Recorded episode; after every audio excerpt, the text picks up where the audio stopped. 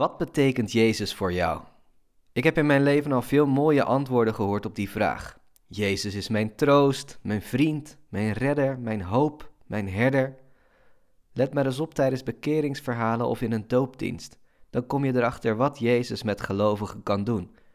Sommigen voelden zich eenzaam voordat ze in Jezus geloofden, maar nu weten ze zich geliefd en bespreken ze hun leven elke dag met God. Sommigen worstelden met een laag zelfbeeld, met pornoverslaving, met een grote angst voor de dood. Maar sinds ze in Jezus geloven, hebben ze enorme rust over zich gekregen. Dit zijn verhalen die ik niet één of twee, maar tientallen keren heb gehoord. En ik ben van harte blij voor al deze mensen. Maar toch denk ik dat Jezus nog veel meer wil doen dan dit. Hij wil onze hele wereld op zijn kop zetten, soms ook op een pijnlijke manier. Om dat uit te leggen begin ik bij het verhaal van een jong, onopvallend meisje dat op een dag Jezus leerde kennen. Haar ervaring doet er extra toe omdat zij de allereerste was die Jezus ontmoette. Hij zat als foetus in haar buik. Zodra Maria van de eerste schrik was bekomen, begon ze gelijk een soort psalm te zingen. Dit zingt ze over haar zoon. Heerser stoot hij van een troon en wie gering is, geeft hij aanzien. Wie honger heeft, overlaat hij met gaven, maar rijken stuurt hij weg met lege handen. Zo dan, de eerste persoon die Jezus ooit in haar binnenste voelde, kreeg er geen hemelse rust door, maar eerder een soort hemelse strijdlust. Voor het eerst in haar leven kreeg ze het idee dat er hoop is voor mensen zonder geld. Hoop voor mensen die niet op luxe stoelen zitten, maar zich uit de naad moeten werken voor hun dagelijks brood. Of dat brood niet eens hebben omdat er voor hen geen werk te vinden is. Kijk, veel begrijpt Maria nog niet van haar zoon Jezus, maar wel dat zijn naam betekent dat God redt. Ook of juist uit armoede en onrecht en slavernij.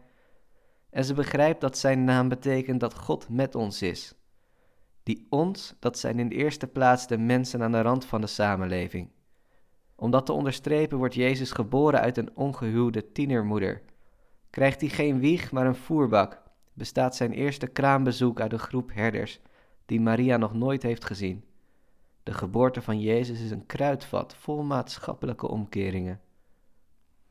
En Jezus' prediking ook, want zo begint zijn onderwijs. Hij loopt een synagoge binnen, slaat een profetische boekrol open en begint te lezen.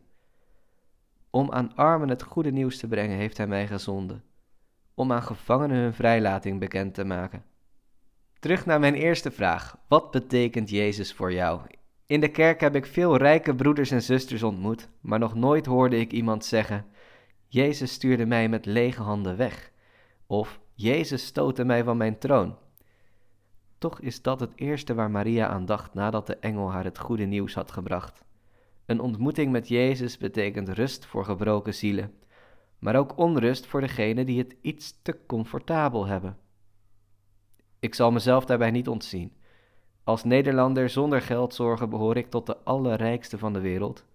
De internationale economische ongelijkheid is enorm.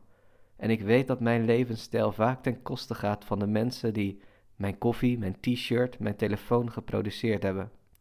Dat zou me ongemakkelijk moeten maken, als medemens, maar zeker ook als volgeling van Jezus. De Heer is mijn herder, zeker. Hij geeft me rust, hij brengt me naar grazige weiden, hij kent me bij naam. Maar Jezus hoedt nog miljarden andere schapen. En herders houden in de gaten of het ene schaapje niet acht keer zoveel eet als het andere. Als een van Jezus' vetste schapen voel ik soms wel eens een tik van zijn staf. Ik moet geen volgevreten zelfgenoegzaam beest worden dat de komst van het koninkrijk in de weg gaat lopen. Zo zou het goed zijn voor ons als kerk wanneer we ieder jaar met Advent niet alleen engeltjes horen zingen, maar ook een rebels, zwanger tienermeisje uit het Midden-Oosten.